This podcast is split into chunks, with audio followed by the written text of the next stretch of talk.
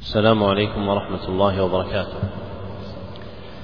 الحمد لله جعل طلب العلم من أجل القربات وتعبدنا به طول الحياة إلى الممات وأشهد أن لا إله إلا الله وحده لا شريك له وأشهد أن محمدا عبده ورسوله صلى الله عليه وسلم ما عقدت مجالس التعليم وعلى آله وصحبه الحائزين مراتب التكريم أما بعد فهذا هو الدرس الخامس في شرح الكتاب الأول من برنامج التعليم المستمر في سنته الأولى وهو كتاب تذكرة السامع والمتكلم للعلامة محمد بن إبراهيم بن جماعة الكناني رحمه الله.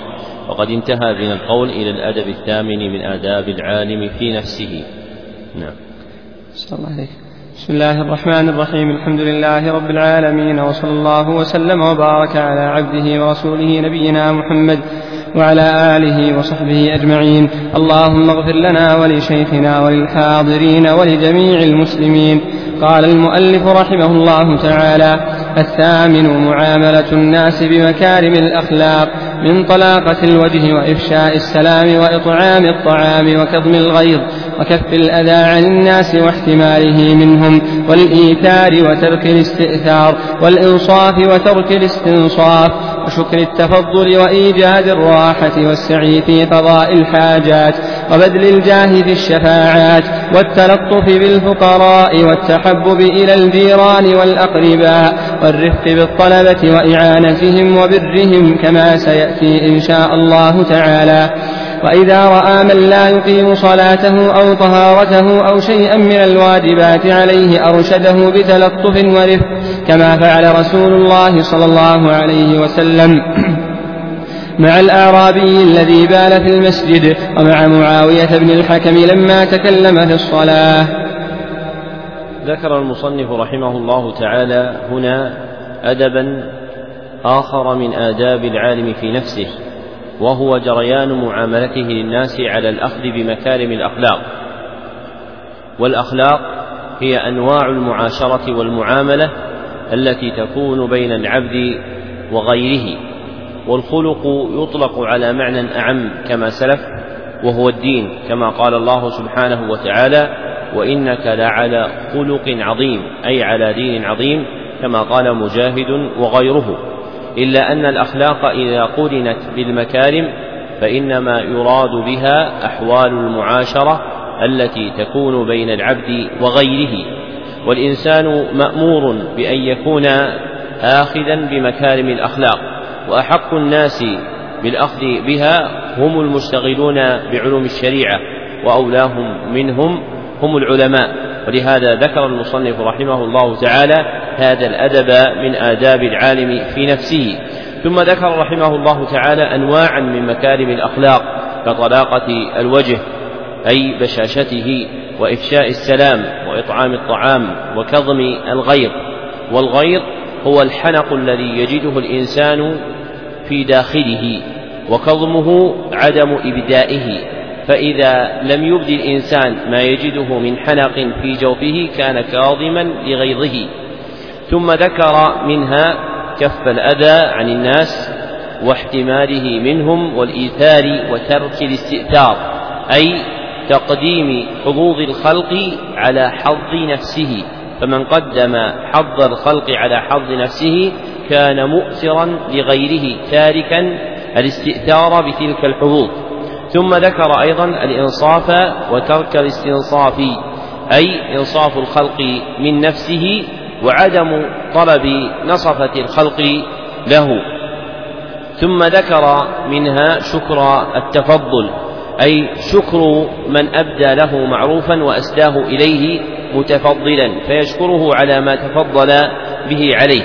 ثم ذكر منها إيجاد الراحة أي إيصال الخلق إلى ما يكون فيه سعة وراحة لهم. ثم ذكر منها السعي في قضاء الحاجات وبذل الجاه في الشفاعات والتلطف بالفقراء والتحبب إلى الجيران والأقرباء والرفق بالطلبة وإعانتهم وبرهم كما سيأتي إن شاء الله تعالى. وإنما أخر المصنف رحمه الله تعالى ما يتعلق بمكارم الأخلاق بالطلبة لأن أولى الناس بأن يسجي لهم العالم الخلق الكريم هم من يحف به من الطلبة الملتمسين للعلم وهذا الباب العظيم وهو مكارم الأخلاق باب جليل. أفرد أهل العلم رحمه الله تعالى رحمهم الله تعالى فيه تآليفا ككتاب مكارم الأخلاق للطبراني وكتاب مكارم الأخلاق للخوائطي وقبلهما صنف أهل العلم رحمهم الله تعالى فيه ممزوجا بغيره لكنه جعلوا لكنهم جعلوه أصلا كالأدب لأبي بكر بن أبي شيبة والأدب المفرد لأبي عبد الله البخاري والآداب للبيهقي. وأولى الناس برعاية مكارم الأخلاق تعلما وعملا هم المشتغلون بطلب علم الشريعة. ومما دخل عليه الخلل في ملتمس العلم في الأزمنة الأخيرة تقصيرهم في هذا الأمر العظيم من أمور الدين. فإن من أعظم مآخذ الدين اعتبار مكارم الأخلاق. فينبغي أن يجتهد طالب العلم في معرفة أحكامها والعمل بها.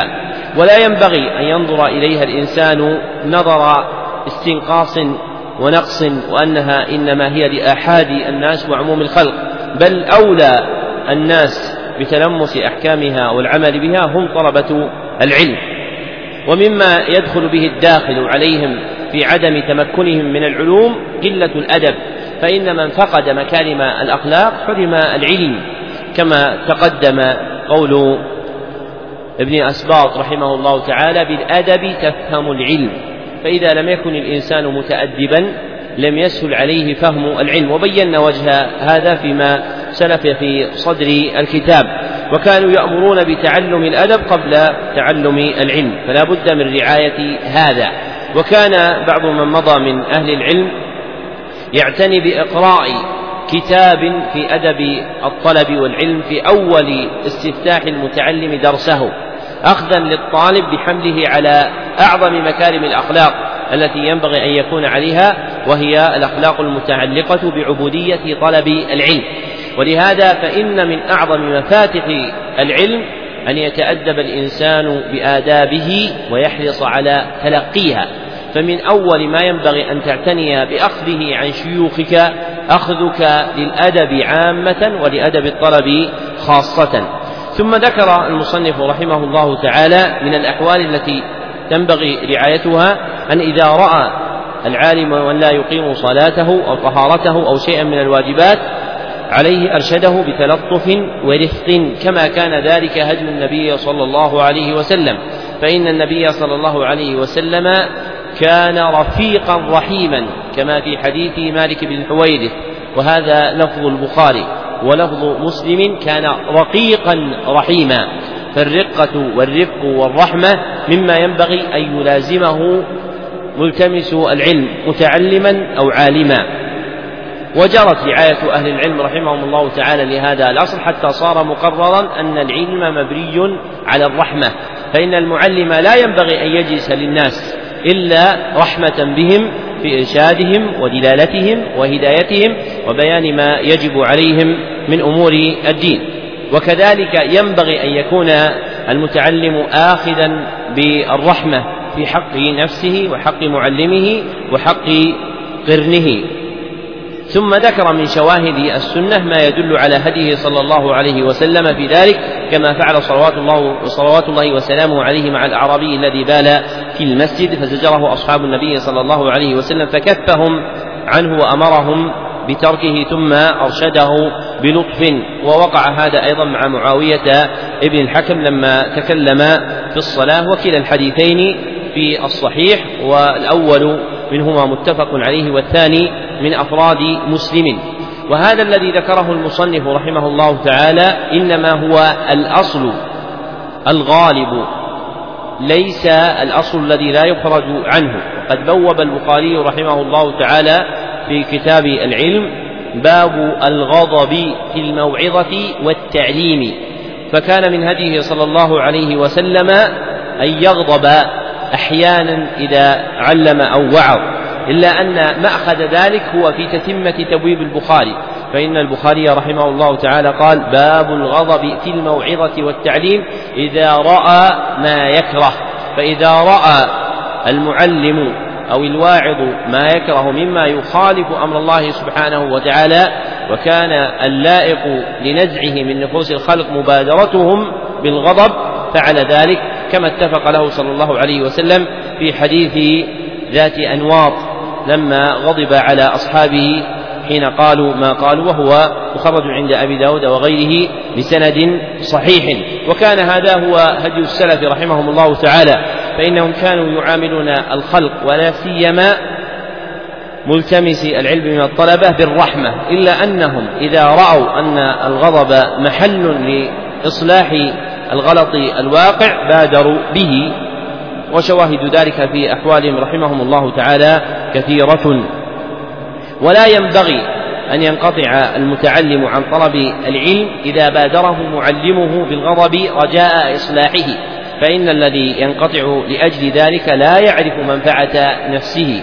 وقد كان بعض أصحاب الأعمش عنده فزجره فقال له رجل لو قال لي مثل ما قال لك لما جئته فسمعه الأعمش فقال أتريد أن يكون أحمق مثلك؟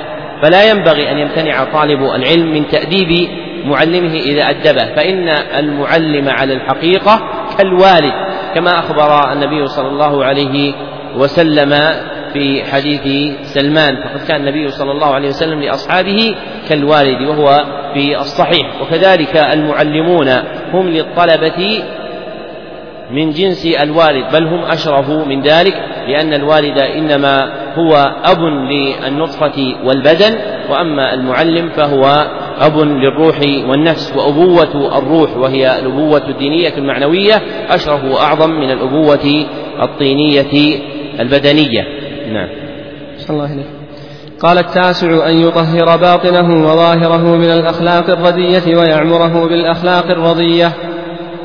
فمن الأخلاق الردية الغل والحسد والبغي والغضب لغير الله تعالى والغش والكبر والرياء والعجب والسمعة والبخل والخبث والبطر والطمع والفخر والخيلاء والتنافس في الدنيا والمباهاة بها والمداهنة والتزين للناس وحب المدح بما لم يفعل والعمى عن عيوب النفس والاشتغال عنها بعيوب الخلق والحمية والعصبية لغير الله والرغبة والرهبة لغيره والغيبة والنميمة والبهتان والكذب والفحش في القول واحتقار الناس ولو كانوا دونه. فالحذر الحذر من هذه الصفات الخبيثة والأخلاق الرذيلة. فإنها باب كل شر بل هي الشر كله. وقد بلي بعض أصحاب النفوس الخبيثة من فقهاء الزمان بكثير من هذه الصفات إلا من عصم الله تعالى. ولا سيما الحسد والعجب والرياء واحتقار الناس. وأدوية هذه البلية مستوفى في كتب الرقائب. فمن أراد تطهير نفسه منها فعليه بتلك الكتب. ومن أنفعها كتاب الرعاية للمحاسبي رحمه الله تعالى. ومن أدوية الحسد الفكر بأنه اعتراض على الله في حكمته المقتضية تخصيص المحسود بالنعمة. كما قال الشاعر العربي فإن تغضبوا من قسمة الله بيننا فلله إذ لم, إذ لم يرضكم كان أبصرا. مع ما فيه من الغم وتعب القلب وتعذيبه بما لا ضار فيه على المحسود. ومن أدوية العجب تذكر أن علمه وفهمه وجودة ودودة ذهنه وفصاحته وغير ذلك من النعم فضل من الله عليه وأمانة عنده ليرعاها حق رعايتها. وأن معطيه إياها قادر على سلبها منه في طرفة عين كما سلب بل كما سلب بلعام ما علم ما علم كما سلب بالعام ما علمه في طرفة عين وما ذلك على الله بعزيز أفأمنوا مكر الله؟ ومن أدوية الرياء الفكر بأن الخلق كلهم لا يقدرون على نفعه بما لم يقضه الله له ولا على ضره بما لم يقدره الله تعالى عليه. فلما, فلما يحبط عمله ويضر دينه ويشغل نفسه بمراعاة من لا يملك له في الحقيقة نفعا ولا ضرا مع أن الله تعالى يطلعهم على نيته وقبح سريرته كما صح في الحديث من سمع سمع الله به ومن رأى رأى الله به. ومن أدوية افتقار الناس تدبر قوله تعالى لا يسخر قوم من قوم عسى أن يكونوا خيرا منهم الآية. إن وقوله إنا خلقناكم من ذكر وأنثى وجعلناكم شعوبا وقبائل لتعارفوا إن أكرمكم عند الله أتقاكم. وقوله فلا تزكوا أنفسكم هو أعلم بمن اتقى. وربما كان المحتقر أطهر عند الله قلبا وأزكى عملا وأخلص نية. كما قيل إن الله أخفى ثلاثة في ثلاثة وليه في عباده ورضاه في طاعته وغضبه في معاصيه. ومن الأخلاق المرضية دوام التوبة والإخلاص واليقين والتقوى والصبر والرضا والقناعة والزهد والتوكل والتفويض وسلامة الباطن وحسن الظن والتجاوز وحسن الخلق ورؤية الإحسان وشكر النعمة والشفقة على خلق الله والحياء من الله ومن الناس ومحبة الله تعالى هي الخصلة الجامعة لمحاسن الصفات كلها وإنما تتحقق بمتابعة الرسول صلى الله عليه وسلم. قل إن كنتم تحبون الله فاتبعوني يحببكم الله ويغفر لكم ذنوبكم. ذكر المصنف رحمه الله تعالى أدبا آخر من آداب العالم في نفسه وهو أن يطهر باطنه وظاهره من الأخلاق الردية. ويعمره بالأخلاق الرضية. وهذا الأدب من أعظم الآداب وأكدها فإن كمال النفس مرهون بشيئين اثنين. أحدهما تخليتها من الرذائل وثانيهما تحليتها بالفضائل. فإن الإنسان مفتقر لبلوغ الكمال إلى الأخذ بهذين الأمرين فيقبل على نفسه فيخليها مطهرا لها من كل رذيلة ثم يحليها مجتهدا في إصلاحها بكل فضيلة. وإذا كان العبد دائرا مع رعاية هذا الأمر مطهرا لنفسه من الرذائل مكملا لها بالفضائل حصل له خير الدنيا والآخرة. ومقصود المصنف رحمه الله تعالى الآكد هو العناية بالتطهير من الرذائل ولذلك استرسل فيما يتعلق بسياقه بما يناسب المحل. قال سهل بن عبد الله التستري رحمه الله حرام على قلب أن يدخله النور وفيه شيء مما يكره الله فإنما انتهى كلامه. فإنما يحصل انفساح القلب بالنور إذا طهر من الرذائل. ذلك أن الفضائل كمالات لا يناسبها محل ملوث بالنجاسة وإنما تصلح للمحل إذا طهر. كما أن الإنسان لا يشرب في إناء فيه قدارة حتى يطهره من تلك القدارة ثم يشرب فيه ما شاء من مستطابات المشروبات. وكذلك أمر قلبك فإن الفضائل لا تستوي فيه حتى تطهره من كل رذيلة وقد اعتنى السلف رحمهم الله تعالى بهذا الأمر عناية شديدة بل صنفوا كتبا مفردة باسم مساوئ الأخلاق ككتاب مساوئ الأخلاق للخرائطي رحمه الله تعالى فإنه عقد فيه أبوابا ترجم بها لما جاءت الشريعة بذمه من الأخلاق الرديئة التي ينبغي اجتنابها وتركها. وقد ذكر المصنف رحمه الله تعالى طرفا من هذه الأخلاق الرديئة كالغل والحسد والبغي والغضب لغير الله والغش والكبر والرياء والعجب والسمعة والبخل إلى أن قال واحتقار الناس ولو كانوا دونهم. ثم قال فالحذر الحذر من هذه الصفات الخبيثة والأخلاق الرذيلة فإنها باب كل شر بل هي الشر كله. وصدق رحمه الله تعالى. فإن, فإن هذه الأخلاق متى استقرت في نفس الإنسان؟ ولو بقدر قلامة الظفر فإنها تحدث فيه أثرا سيئا. ومن عجائب هذه الأخلاق أن الإنسان يحتاج معها إلى دوام المجاهدات فإن المرء لا ينقطع من هذه الأخلاق لملاحظة نفسه ساعة من الزمن بل لا بد أن يرقب نفسه كل لحظة لئلا يهجم عليها شيء من هذه الأخلاق الرديئة فيستقر فيها. فكما يطهر الإنسان بدنه وثوبه متعاهدا لهما بذلك فإنه ينبغي أن يتعاهد قلبه بالتطهير بين الفينة والفينة ولأجل هذا عظم قدر المحاسبة في الشرع وعند السلف لأن حقيقة المحاسبة إعادة العبد نظره في حال قلبه.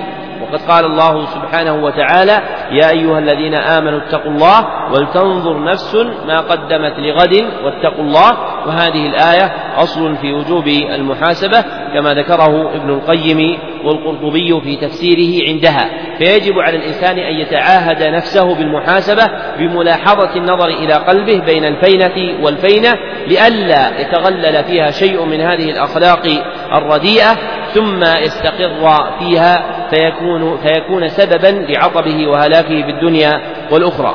ثم ذكر رحمه الله تعالى أن هذه الأخلاق مما بلي به بعض أصحاب النفوس الخبيثة من فقهاء الزمان بكثير منها إلا من عصمه الله سبحانه وتعالى. وهذا لا يختص بزمانه بل كل زمان من الأزمان تسري هذه الأخلاق إلى مثل هؤلاء. لكن مما ينبغي رعايته أن طلب إصلاح أهل الشريعة لا ينبغي التعبير فيه بالعبارات الواسعة التي متى سمعها أحد ظنها أنها نقيصة لأهل الشريعة. فقول المصنف رحمه الله تعالى وقد بلي بعض أصحاب النفوس الخبيثة من فقهاء الزمان فنسب هذه الأخلاق إلى فقهاء وهي على التحقيق وهم على التحقيق ليسوا بفقهاء لكن صورتهم الظاهرة إنما هي صورة الفقهاء. فلأجل ذلك نسبها ونسبهم إلى الفقه. فلا ينبغي في الكلام العام أو فيما ليس في هذا المقام أن ينسب الإنسان ولو ناصحا مثل هذه الأخلاق إلى حملة الشريعة لئلا يسيء الناس الظن بهم. وقد كان النبي صلى الله عليه وسلم يجتنب قتل المنافقين لئلا يسيء الناس الظن به وبأصحابه رضوان الله عنهم. وكذلك ينبغي أن يلاحظ صاحب العلم أن بيان مثل هذا له مقامات مختصة به فليس الكلام فيما يتعلق بالفساد. الواصل إلى حمل الشريعة صالحا للحديث في كل مكان وإنما يبادر به أهله لأنه إذا أشيع عند غيرهم ربما نشأ منه إساءة الظن بهم. ولم يزل أهل العلم رحمهم الله تعالى على هذا فلا تجد منهم أحدا مصنفا فيما يتعلق بهذه الأخلاق واصفا لها بأنها أخلاق العلماء. إلا في هذا القرن المظلم الذي دخل في العلم من ليس من أهله حتى صنف أحدهم كتابا سماه تحاسد العلماء وهذا من الجراءة على العلم وأهله. وهذا الأمر وإن كان واقعا قدرا في أخلاق أهل العلم لكن لا ينبغي تجميعه وتصديره وتشهيره وإشاعته بين الناس لما فيه. من الغض على أصحاب الشريعة وإساءة الظن بهم. لكن ضعف المدارك عن درك هذه المقاصد الشرعية أوصل الناس إلى أن كل أحد يجمع ما شاء وينشر ما شاء فانتشرت مثل هذه المقالات. ثم ذكر المصنف رحمه الله تعالى أن أدوية هذه البلية من الأخلاق الرذيلة مستوفاة في كتاب الرقائق. فمن أراد تطهير نفسه منها فعليه بتلك الكتب. وناعت رحمه الله تعالى أحدها وهو كتاب الرعاية للمحاسب رحمه الله تعالى. وكتاب الرعاية كتاب حسن في الجملة لكن فيه مآخذ ولا ينبغي إعماله أصلا. يتلقى منه الإنسان إصلاح نفسه لما فيه من الدغل والدخل. لكن ينبغي التعويل على الكتب التي صنفها أئمة الهدى من علماء أهل السنة مما ترجم باسم كتاب الزهد. ككتاب الزهد لأبي عبد الله أحمد بن حنبل وكتاب الزهد لأبي داود السجستاني وكتاب الزهد لوكيع بن الجراح وكتاب الزهد لهناد بن السري وكتاب الزهد الكبير لأبي بكر البيهقي فهذه الكتب ونظائرها مما صنف باسم الزهد ينبغي ألا ينقطع الإنسان عن القراءة فيه. وكان من المعمول به الجاري في حلق العلم في قطرنا قبل مدة التزام القراءة في كتاب الزهد للإمام أحمد بن حنبل أو كتاب الجواب الكافي المسمى بالداء الدواء لابن القيم. وكان هذا الكتاب الثاني أكثر شيوعا وانتشارا فكان يقرأ في حلق التعليم وربما أعيد مرارا في حلقة الدرس عند العلماء الماضين. وينبغي أن يقرأ طالب العلم هذه الكتب مرات ومرات ولا سيما كتاب الجواب الكافي لابن القيم رحمه الله تعالى. ثم شرع المصنف رحمه الله تعالى ينعت أدوية لبعض هذه الأخلاق الرذيلة وهذا المبحث من عيون ما في هذا الكتاب.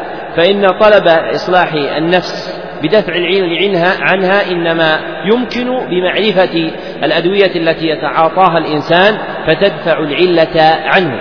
كما أن البدن إذا اعتل بمرض التمس المريض دواء يدفع علة بدنه فكذلك القلوب إذا أعلت بأمراضها شهوة أو شبهة ينبغي أن يتطلب المريض لقلبه دواء يدفع به عنه العلة. وهذه الدوافع هي الأدوية التي ذكر المصنف رحمه الله تعالى طرفا منها. فذكر من أدوية الحسد بأن يفكر الإنسان بأن حسده لغيره اعتراض على الله في حكمته المقتضية تخصيص المحسود بالنعمة مع ما فيه من الغم وتعب القلب وتعذيبه بما لا ضرر فيه على المحسود. فالحاسد معترض على قدر الله سبحانه وتعالى ثم إن قلبه يلحقه تعب وضيق وغم وهم لمن قدح فيه من الحسد. فإذا اعتبر الإنسان هذا وتفكر فيه ورأى أن ما فعله من الحسد إنما هو اعتراض على الله سبحانه وتعالى في قدره وهو مورث للغم والهم له دون ضرر بالمحسود فينبغي أن يقطعه ذلك عن استمرائه والجريان معه. ثم ذكر من أدوية العجب أن يتذكر الإنسان أن ما وهبه الله سبحانه وتعالى إياه من علم أو فهم أو حفظ أو فصاحة فإنه محض نعمة الله سبحانه وتعالى عليك وإن الذي أعطاك ذلك قادر على سلبه منك. فمن أنت لولا فضل الله سبحانه وتعالى الذي أجراه عليك. وقد قال الله تعالى وما بكم من نعمة فمن الله. ومن جملة ما عليك من نعمة الله سبحانه وتعالى أن هيأ لك مكنة في العلم بقوة الحفظ وجودة الفهم الفهم فينبغي أن تعرف قدر هذه النعمة التي أوصلها الله سبحانه وتعالى إليك. وأكثر الناس لا يشهدون من النعم إلا محسوسا مشهودا. وأما الأمور القائمة بالنفوس دون حس فإن كثيرا من الناس يغيب عنه شهود هذه النعمة.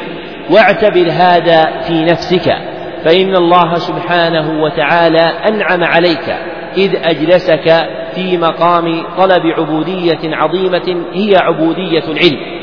ولو شاء الله سبحانه وتعالى لما أسدى إليك هذه النعمة وكنت كالهمج الرعاع الذين يضيعون أوقاتهم فيما لا ينفع ويقطعون أعمارهم فيما يضر. فينبغي أن يعرف الإنسان أن من نعمة الله سبحانه وتعالى عليه إيصاله الخير له بحمله على طلب العلم وتحبيبه له وتحريضه في نفسه على ابتغائه والتماسه. فهذه علم فهذه نعمة عظيمة ينبغي أن تعرفها وتشكر الله سبحانه وتعالى عليها. فإنك إذا عرفت هذه النعمة وشكرت الله سبحانه وتعالى عليها زادك الله سبحانه وتعالى منها. قال العلامة عبد الرحمن بن حسن آل الشيخ رحمه الله تعالى إن النعم إذا شكرت قرت وإذا كفرت فرت. انتهى كلامه. ومن أسباب فرارها عدم شهودها ولا معرفتها. ثم ذكر أن الله سبحانه وتعالى يقدر أن يسلبها في طرفة عين كما وقع لأحد علماء بني إسرائيل كما في أخبارهم وهو بلعام بن باعورا إذ أعجب بنفسه وتكبر بعلمه فعاقبه الله عز وجل بسلبه كما هو معروف في أخبار بني إسرائيل في كتب التفسير والتاريخ.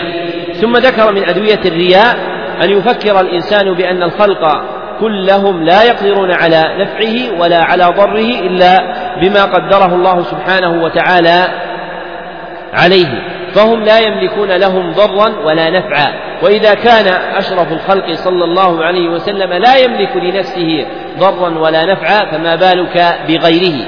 فإذا لاحظت هذا في الناس وأنهم لا يزيدونك شيئا ولا ينقصونك شيئا حملك ذلك على عدم ملاحظتهم بالرياء. ثم إن الله سبحانه وتعالى من كمال حكمته يعاقب المرائي بضد قصده فإن المرائي يظهر عمله ليشكره الناس عليه.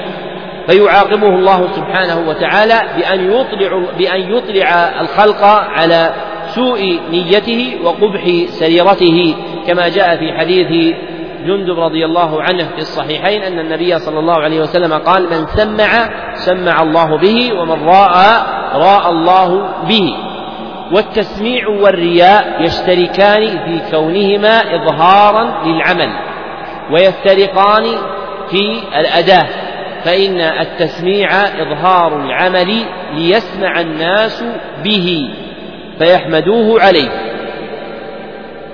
والرياء إظهار العمل ليراه الناس فيحمدوه عليه. ثم ذكر دواء لعلة أخرى وهو دواء احتقار الناس وذلك بتدبر قول الله تعالى لا يسخر قوم من قوم عسى أن يكونوا خيرا منهم وقوله إنا خلقناكم من ذكر وأنثى الآية وقوله فلا تزكوا أنفسكم هو أعلم بمن اتقى فتدبر هذه الآيات والاطلاع على معانيها وأن الإنسان ربما وقع في نفسه احتقار غيره فإذا نظر إلى أن معرفة الأزكى علمها عند الله سبحانه وتعالى رجع إلى نفسه بالاحتقار. وقد سئل عبد الله بن المبارك رحمه الله تعالى عن التواضع فقال إذا خرجت من بيتك فلا ترى أحدا إلا قلت هو خير مني فذلك التواضع. فإن الإنسان إذا عود نفسه على إعظام الخلق وعدم احتقارهم أورثه ذلك معرفة قدر نفسه فتواضع. ثم ذكر أنه ربما كان المحتقر أطهر عند الله قلبا وأزكى عملا وأخلص نية كما قيل إن الله أخفى ثلاثة بثلاثة وليه في عباده. فرب إنسان له مقام في الولاية والقرب من الله سبحانه وتعالى.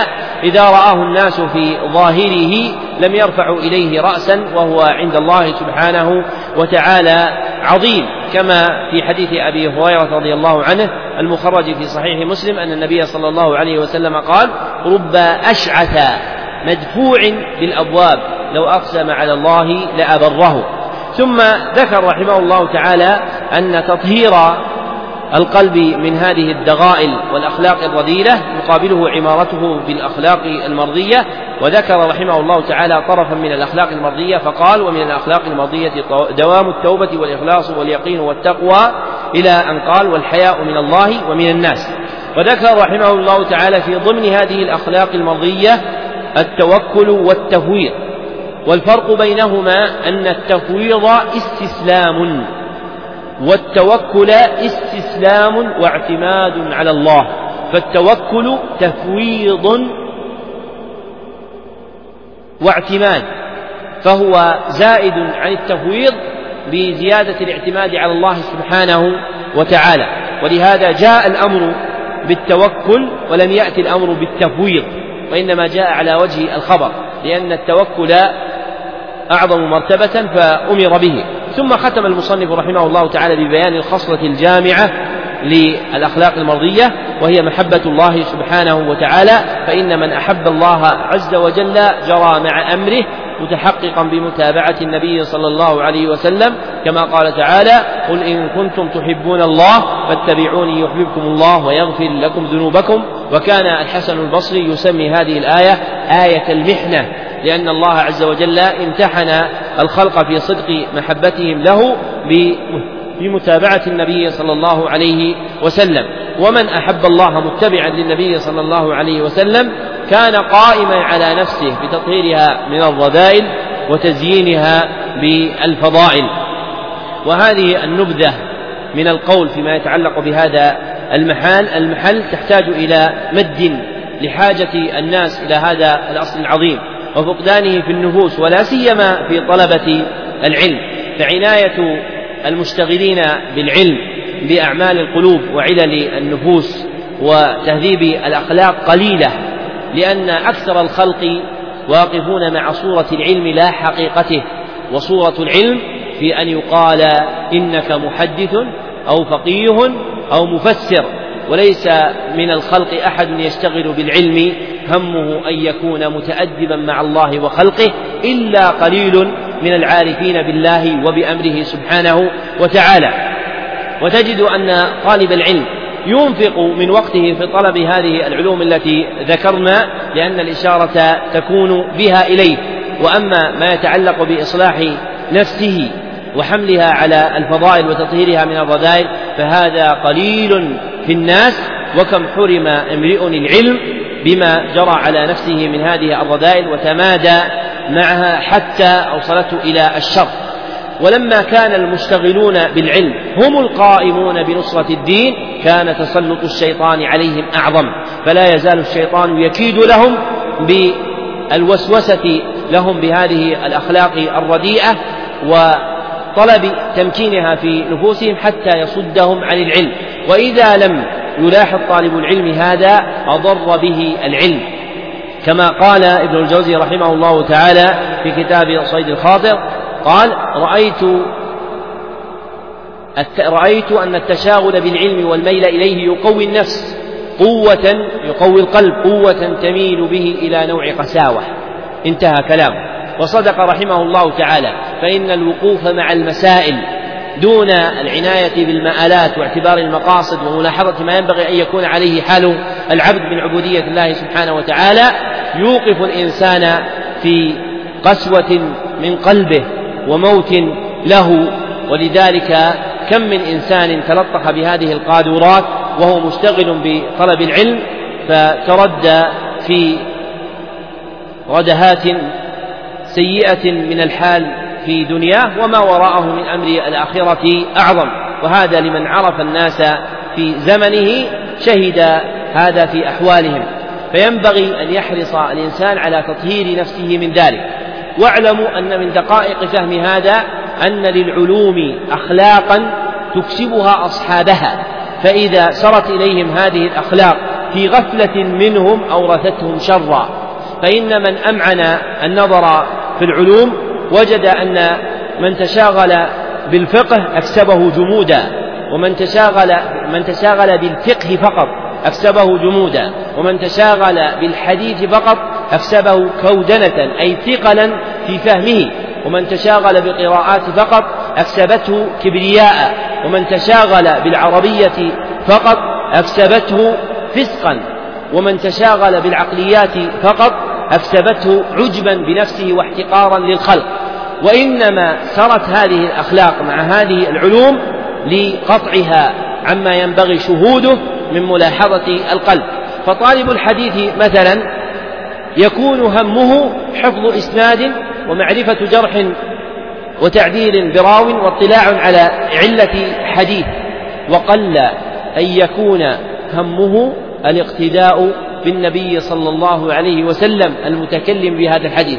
ولما كان السلف رحمهم الله تعالى يرعون هذا قالوا إذا رويت حديثا عن النبي صلى الله عليه وسلم فاعمل به ولو مرة واحدة. ونحن نروي أحاديث كثيرة عن النبي صلى الله عليه وسلم ولا نعمل بها ولو مرة واحدة. بل نشتغل بطلب معرفة صحته وضعفه وعلته وجرح رواته وتعديلهم فتتمادى بنا هذه المطالب حتى تصدنا عن المطلب الأعظم فيورثنا ذلك قسوة في قلوبنا من الأحوال التي ذكرتها لكم في أحوال العلوم. وطالب العلم إذا جعل بينه وبين هذا المقصد حجاب كثير أورثه شرا كثيرا في الدنيا والآخرة. فالعلم المقرب إلى الله سبحانه وتعالى إنما هو العلم الذي ينفعك وليس العلم الذي يرفعك عند الخلق. فإن العلم الذي يرفعك عند الخلق ربما رفعك قمة ثم هويت به في نار جهنم. وأما العلم الذي ينفعك والذي يقربك إلى الله سبحانه وتعالى فهو رعايتك للعبودية التي بينك وبين الله سبحانه وتعالى. وهذا آخر التقرير على هذا الكتاب. وبالله التوفيق.